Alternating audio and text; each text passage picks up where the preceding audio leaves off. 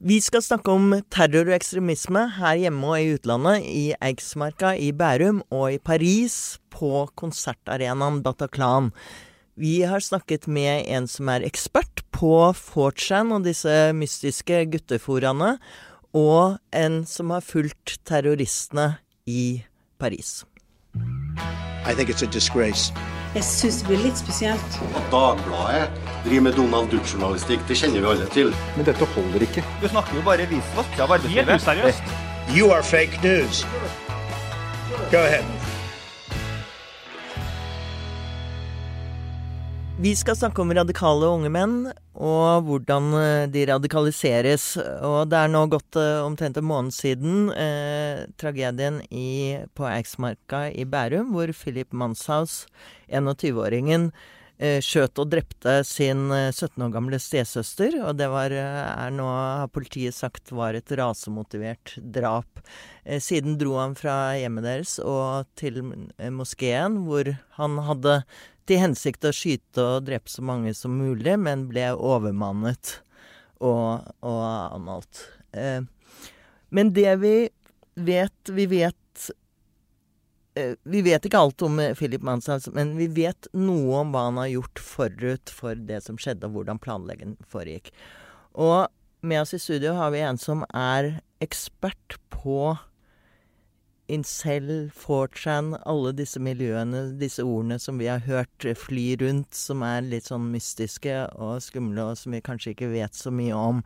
Men Lasse Josefsen, du er skribent og har studert disse fenomenene og disse foraene nøye og inngående over tid, og skriver ja. faktisk på en bok om incel-miljøet, som er en del av dette. Ja, eh, altså nå, nå, blir jeg kalt ekspert overalt, men faktum er at jeg er ikke noen akademiker. Eh, det her, jeg kom inn i det her for eh, rett og slett Jeg var faktisk i rasshøl først eh, opprinnelig. Jeg var et av de opp, en opprinnelig rasshøla.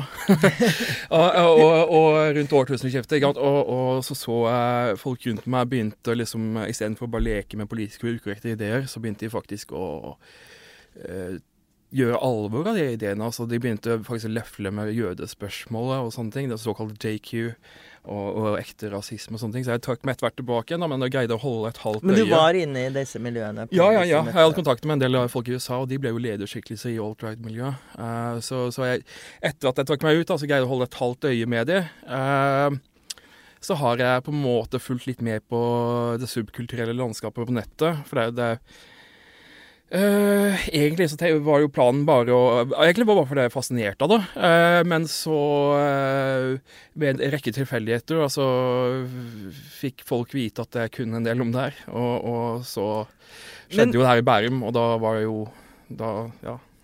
Da ringte alle til deg, fordi ja. at det er ikke så mange som har forsket på, forsket på dette her. Ja. Og det skal vi snakke litt mer om også, hva politiet vet om disse miljøene. Men, denne Philip Manshaus, det vi vet, er at han var i hvert fall inne og postet en, en melding på det, et uh, fora som heter Enchan. Ja. Eh, og der sa han eh, blant annet at han var plukket ut som eh, arvtaker, eller eh, liksom Ja, Saint Tarrant. Ja. Sankt Tarrant. Altså, det er en referanse til Brenton Tarrant, som på en måte starta denne stafetten. Og det er en stafett.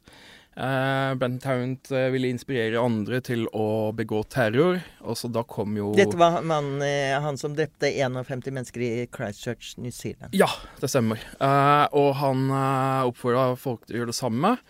Og så eh, posta han på uh, manifestet sitt på 8chan, som er uh, lagt ned nå, for det var ja, av åpenbare grunner. for det var vel en måned etter hans aksjon i New Zealand at John Ernest gikk til angrep på en synagoge i Poway i USA. Så jeg fikk en kjedereaksjon? Ja, la ut manifest på Achan. Mm. Og så det samme gjorde uh, han Patrick Cruises i uh, Texas. Jeg husker ikke nøyaktig ja. hvor. Paso var det vel. Jeg begynner faktisk å gå sur i alle de skytingene. Ja. Det er helt jævlig, egentlig. Mm. Uh, men jo, så, så de, de har, la ut på Achan. Men så etter Cruises så la jo Achan ned. For det er altså Eh, så, såpass mange eh, massedrapsmenn har brukt det som eh, sånn der, eh, legge ut PR-pakkene sine, for det er jo det det er. Eh, og, og da, da, var ikke han eieren av Achan som ville legge ned. Det var eh, noen som eh, opprettholdt på en måte en sånn beskyttelse, da, sånn at de ikke fikk DOS-angrep. Eh, Men noen andre fortsatte? 4chan? Ja, 4chan lever fremdeles. Det er jo opprinnelige Chan-forum i Vesten, iallfall. Ja, ikke sant. Eh, men der, eh, der, er det jo egentlig De hadde egentlig blitt litt mildere uh, av men disse foraene, de er altså begynte som en slags sånn uh, bildetjeneste, holdt på å si, eller meme og, og Ja, det, det, er jo Og så er de overtatt og blitt uh, hatforaer, som er overtatt uh, i stor grad av høyre Det er jo det som er litt uh, spesielt, da. For det, altså, 4chan er jo basert på en japansk nettside som heter 2chan. Eller 2channel. og, og det var jo nettside for otakus, altså det vil si eh, stort sett menn, unge menn, som er veldig interessert i eh, manga-tegneserier, hentai og, og, anime og alle sånne ting, japansk popkultur, da. Eh, og det, det, er jo en viss geek-faktor over det, og, og når du får veldig mange mannlige geeks på et lite sted, Uh, kan, de er kanskje litt sosialt kleine. Mange av de har metalllidelser. Så det ble jo ganske raskt en litt sånn giftig eh, atmosfære på Fordi kvinnehat, blant annet, er jo ja, en drap, del av driverne. Det har vært noen drap og sånn involvert i det japanske òg. Men eh, det var en fyr som het Christopher Poole, eh, også kjent som Moot, som rappa koden til nettsida på 2chan og lagde en amerikansk versjon som het 4chan. Uh, og det var også ment for uh, anime-fans og, og manga-fans og sånne ting, som bildedelingsforum, uh, da. og det samme giftige atmosfæren kommer jo der etter hvert, da.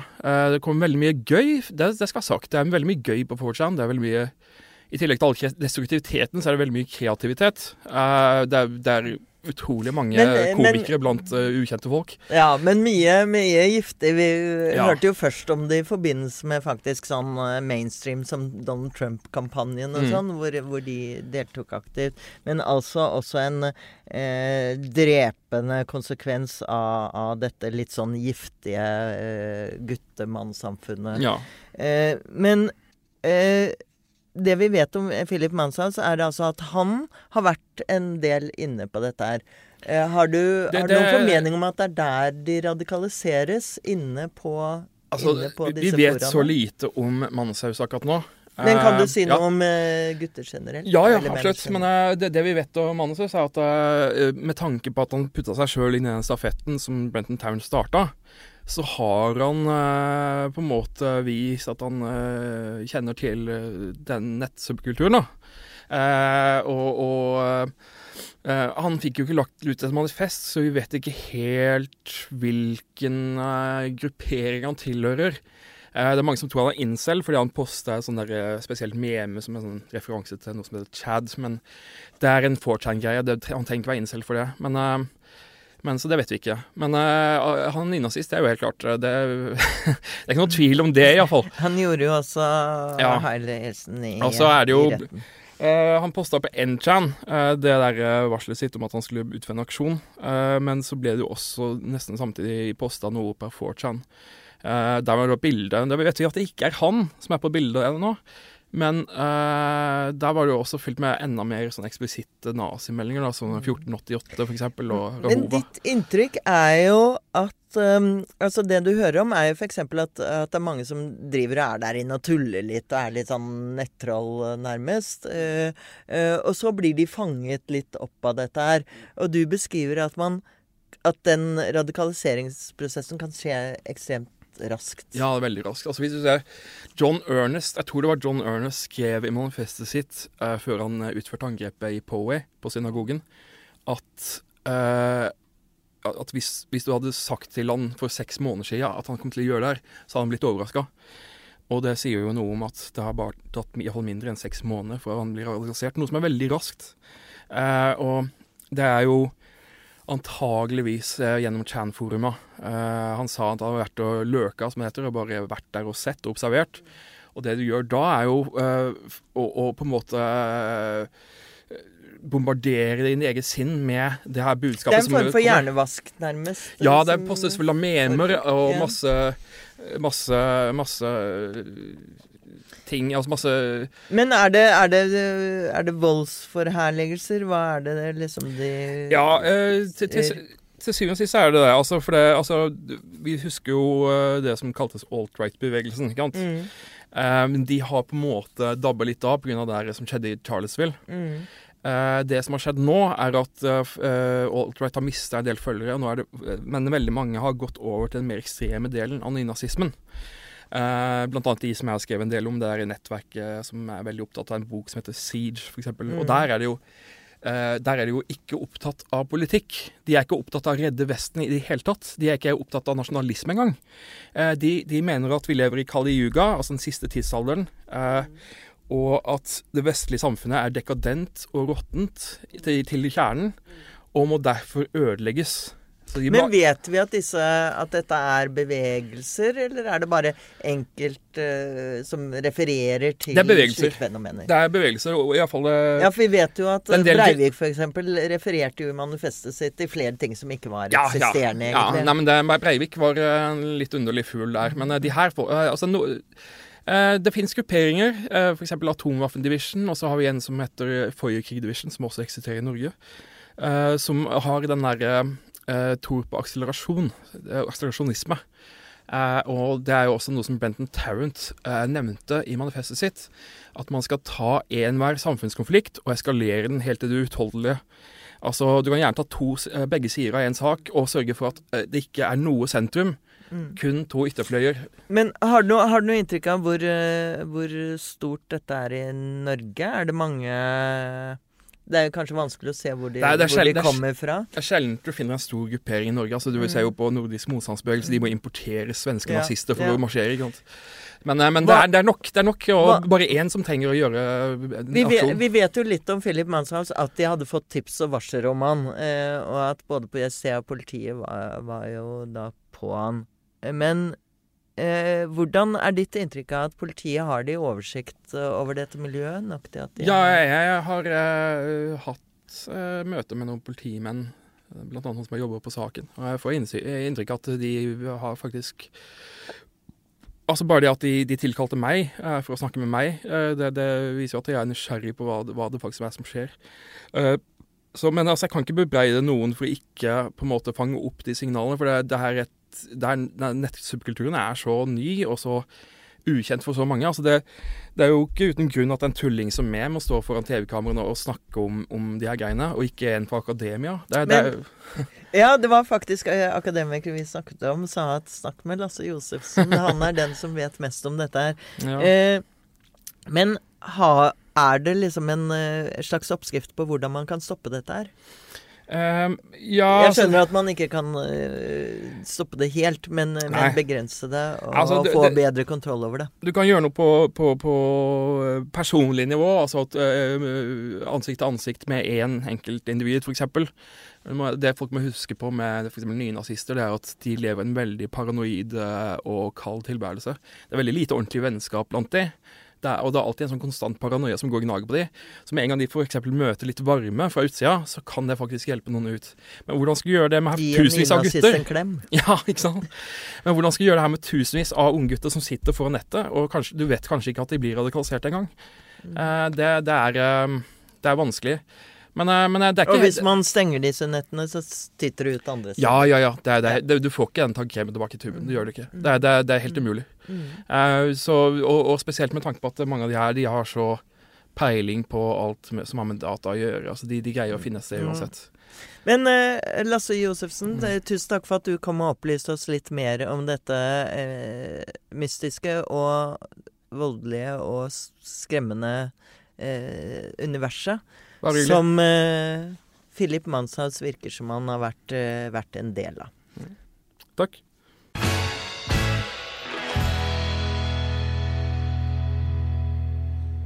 La France est en guerre. Les actes commis vendredi soir à Paris et près du Stade de France sont des actes de guerre. En historisk tale der, på et språk vi ikke er så kjent med i Norge som eh, det andre vi vanligvis hører her i jinglen. Eh, Vibeke Knop Raslin, som er aktuell med boken 'Terror i Europas hjerte', og ikke minst har det vært 40 år Norges eh, stemme og øyne og ører i Paris i Frankrike, bl.a. for Dagbladet og i det siste for Aftenposten. Hva var det vi hørte her? Det var en tale uh, president Hollande holdt like etter attentatene i eh, november 2015. Og da erklærte han like godt at eh, Frankrike var i krig med disse terroristene som nettopp hadde slått til i Paris.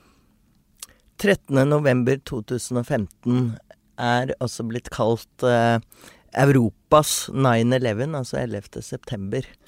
Ja, fordi det var så omfattende. Jeg vet at her er det de fleste som bare husker omtrent Bataclan, men øh, det var jo seks forskjellige anslag. Det første begynte på fotballstadion utenfor Paris, så var det mot kafeer og restauranter i Paris, og til slutt mot konsertstedet Bataclan. Og det var det de fleste husker best, og du var utenfor der? Ja, jeg sto utenfor der på jobb da, som journalist, og eh, det var egentlig ganske vanskelig, for eh, vi kunne ikke se noe der vi sto, og vi visste egentlig på det tidspunktet lite om det som foregikk, men vi hørte alt. Så vi hørte alle skuddene, alle eksplosjonene, pluss alle sirenene, og bare det var ganske tøft. Hvem var det som sto bak? Det var et eh, Først og fremst et eh, nettverk av terrorister. Eh, først og fremst fra Frankrike og Belgia, men også fra andre land. Men de egentlige, eh, skal vi si, som ga ordrene, de satt i Raqqa, altså IS. Og dette er det eneste attentatet i Europa hvor IS har virkelig gjort alt fra A til Å. Du fikk et intervju med Francois Hollande, som da var president, eh, og som du igjen i boken. Og det skal vi komme litt tilbake til, fordi han sier interessante ting, bl.a. også om 22. juli. Eh, men i denne boken, 'Terror i Europas hjerte', så er det jo mer enn en beskrivelse av selve terrorangrepet. Du forfølger også en av den eneste overlevende terroristen, eh, Salah Abdeslam, og liksom går inn Du får ikke treffe han, fordi du prøver jo å få kontakt med han i fengselet, men, men det vil han ikke. Han vil ikke snakke med noen, faktisk. Det, det er ikke det at han ikke vil, han får ikke lov. Mm. Det, I Frankrike er det alltid en forhørsdommer som leder etterforskningen, og denne dommeren har nedlagt veto for uh, alle medier. Det er ikke tale om. Men, men du har uh, nøstet opp livet hans ganske godt, og hvordan denne radikaliseringen skjedde. Han, altså, han ble funnet i Han var fra Mølnbeck, Molenbeek, Molenbeek ja. som er i Belgia. Ja, det og er en by... Du må fortelle litt om det, for det er en veldig spesielt sted. Ja, det er en bydel i Brussel. Uh, og det er absolutt ikke noe skummel forstad som man kan få inntrykk av. Det er Det ligger bare noen få metrostasjoner fra EU-parlamentet og, og, EUs hovedkvarter, rett og slett, og, og Nato. Så, så det, er, det, det, ligger midt i Brussel. Og likevel så har det fått Men det er et innvandrerstrøk? Ja. Eh, først og fremst eh, marokkanere, men det er mange nasjonaliteter der, og religioner. Eh, og det har fått et forferdelig rykte på seg.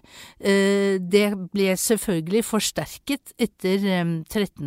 november, men det eksisterte på en måte en stund før også, for det viser seg at flere terrorister kommer derfra.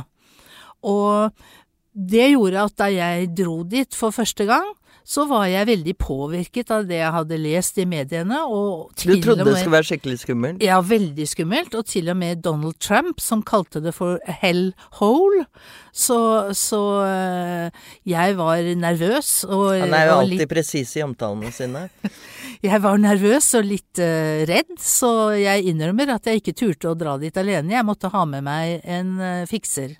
Mm, akkurat som om du reiste til Midtøsten. Ja, og det, dette er midt i Europa. Nettopp. Men, men denne Salah Abdeslam, han, eh, han, hadde jo en eh, reise, for å si det sånn, som, eh, som vi kjenner litt til fra andre historier. Altså, han var jo ikke Han var inn, sønn av immigranter. Mm, marokkanske. Og eh, han er på en måte veldig karakteristisk for en del ungdommer som vokser opp i sånne miljøer, som først og fremst ikke finner seg til rette. Altså, han følte, følte ikke at han hørte hjemme noe sted. Eh, han var fra Marokko, dermed ble han ikke betraktet som en belgier. Og eh, i Marokko var han på en måte også fremmed fordi han bodde i Belgia. Så, så, og så hadde han ikke noe jobb, så han ernærte seg først og fremst ved å selge dop. Hans mantra var øl, dop og jenter.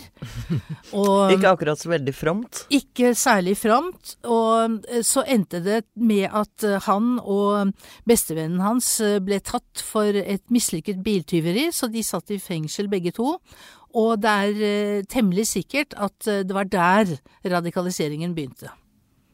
Fengsel er alltid bra. Det enten bringer deg ut på en kriminell løpebane eller inn i terrorisme. Eh, men, men han Altså begrunnelsen for eh, som, i, som er en litt sånn overordnet begrunnelse, er liksom at eh, dette å drive med terrorvirksomhet er en måte å gjenopprette verdigheten deres på. En tapt verdighet. Ja, en slags newborn, født på ny-opplevelse. Og når det gjelder de som da har mer eller mindre småkriminell bakgrunn, så loves de at det, alt det skal bli utvisket, tilgitt, og de skal, også de skal få komme til paradis og få uh, 72 jomfruer. Men nettopp det jeg tenker at interessant i boken din, at du beskriver hvordan radikaliseringen skjer jo, skjer jo der i eh, Molenbeek eller i fengselet, mens, eh, mens konteksten er så veldig global. eh, enten du er i Fredrikstad eller i Mornbekk. Ja, for du ser det samme gjenta seg, og, og det gjelder ikke bare de som ender som jihadister. Uh, Det gjelder på en måte enhver form for radikalisering. Det er at det er jo rett og slett en, hva skal jeg si, en massiv hjernevask, på en måte. Og så, eh, etter at man da har luket ut alt som er galt, så pøser man på med koranvers eh, i dette tilfellet, eller høyreekstremisme hvis det er eh, en høyreekstremist. Ja, ikke sant. Disse to er fettere, egentlig, når man ser på hvordan den radikaliseringen skjer. Men litt om ditt intervju med Francis Hollande fordi at en av grunnene til at dette blir kalt Europas 9-11 er jo også av de reaksjonene som skjedde da. Det var på en måte en oppvåkning for eh, Europa. Og de, han satte i verk ganske sterke tiltak med en gang. Ja, eh, det aller første han gjorde var å innføre unntakstilstand. Og den på en måte vedvarer fremdeles i Frankrike, nesten fire år eh, etterpå. Og den begrenser jo øh, vår ytringsfrihet, vår bevegelsesfrihet, øh, ganske mye. Når man tenker over det. Man kan bli arrestert på et rimelig tynt uh, grunnlag, og politiet har da full rett til å ransake og ransake bilen din og ja. Eh, veldig utstrakte re- rettigheter Og til statsborgerskap ble fratatt. det kan, det kan også bli fratatt, og det aller mest ekstreme er jo da å virkelig gå til krig. Det vil si å drepe, eller forsøke i hvert fall, å drepe motstanderne. Og det er jeg så fascinert av, for da heter det ikke drepe lenger, det heter å ta ut. Mm. Så man tar han, Altså, Frankrike har faktisk tatt ut eh, alle de som sto bak attentatet. Ikke de som gjennomførte det i Frankrike, men de som sto bak. Altså De har reist lederne, ut til ja, eh, lederne Syria i IS. Ja.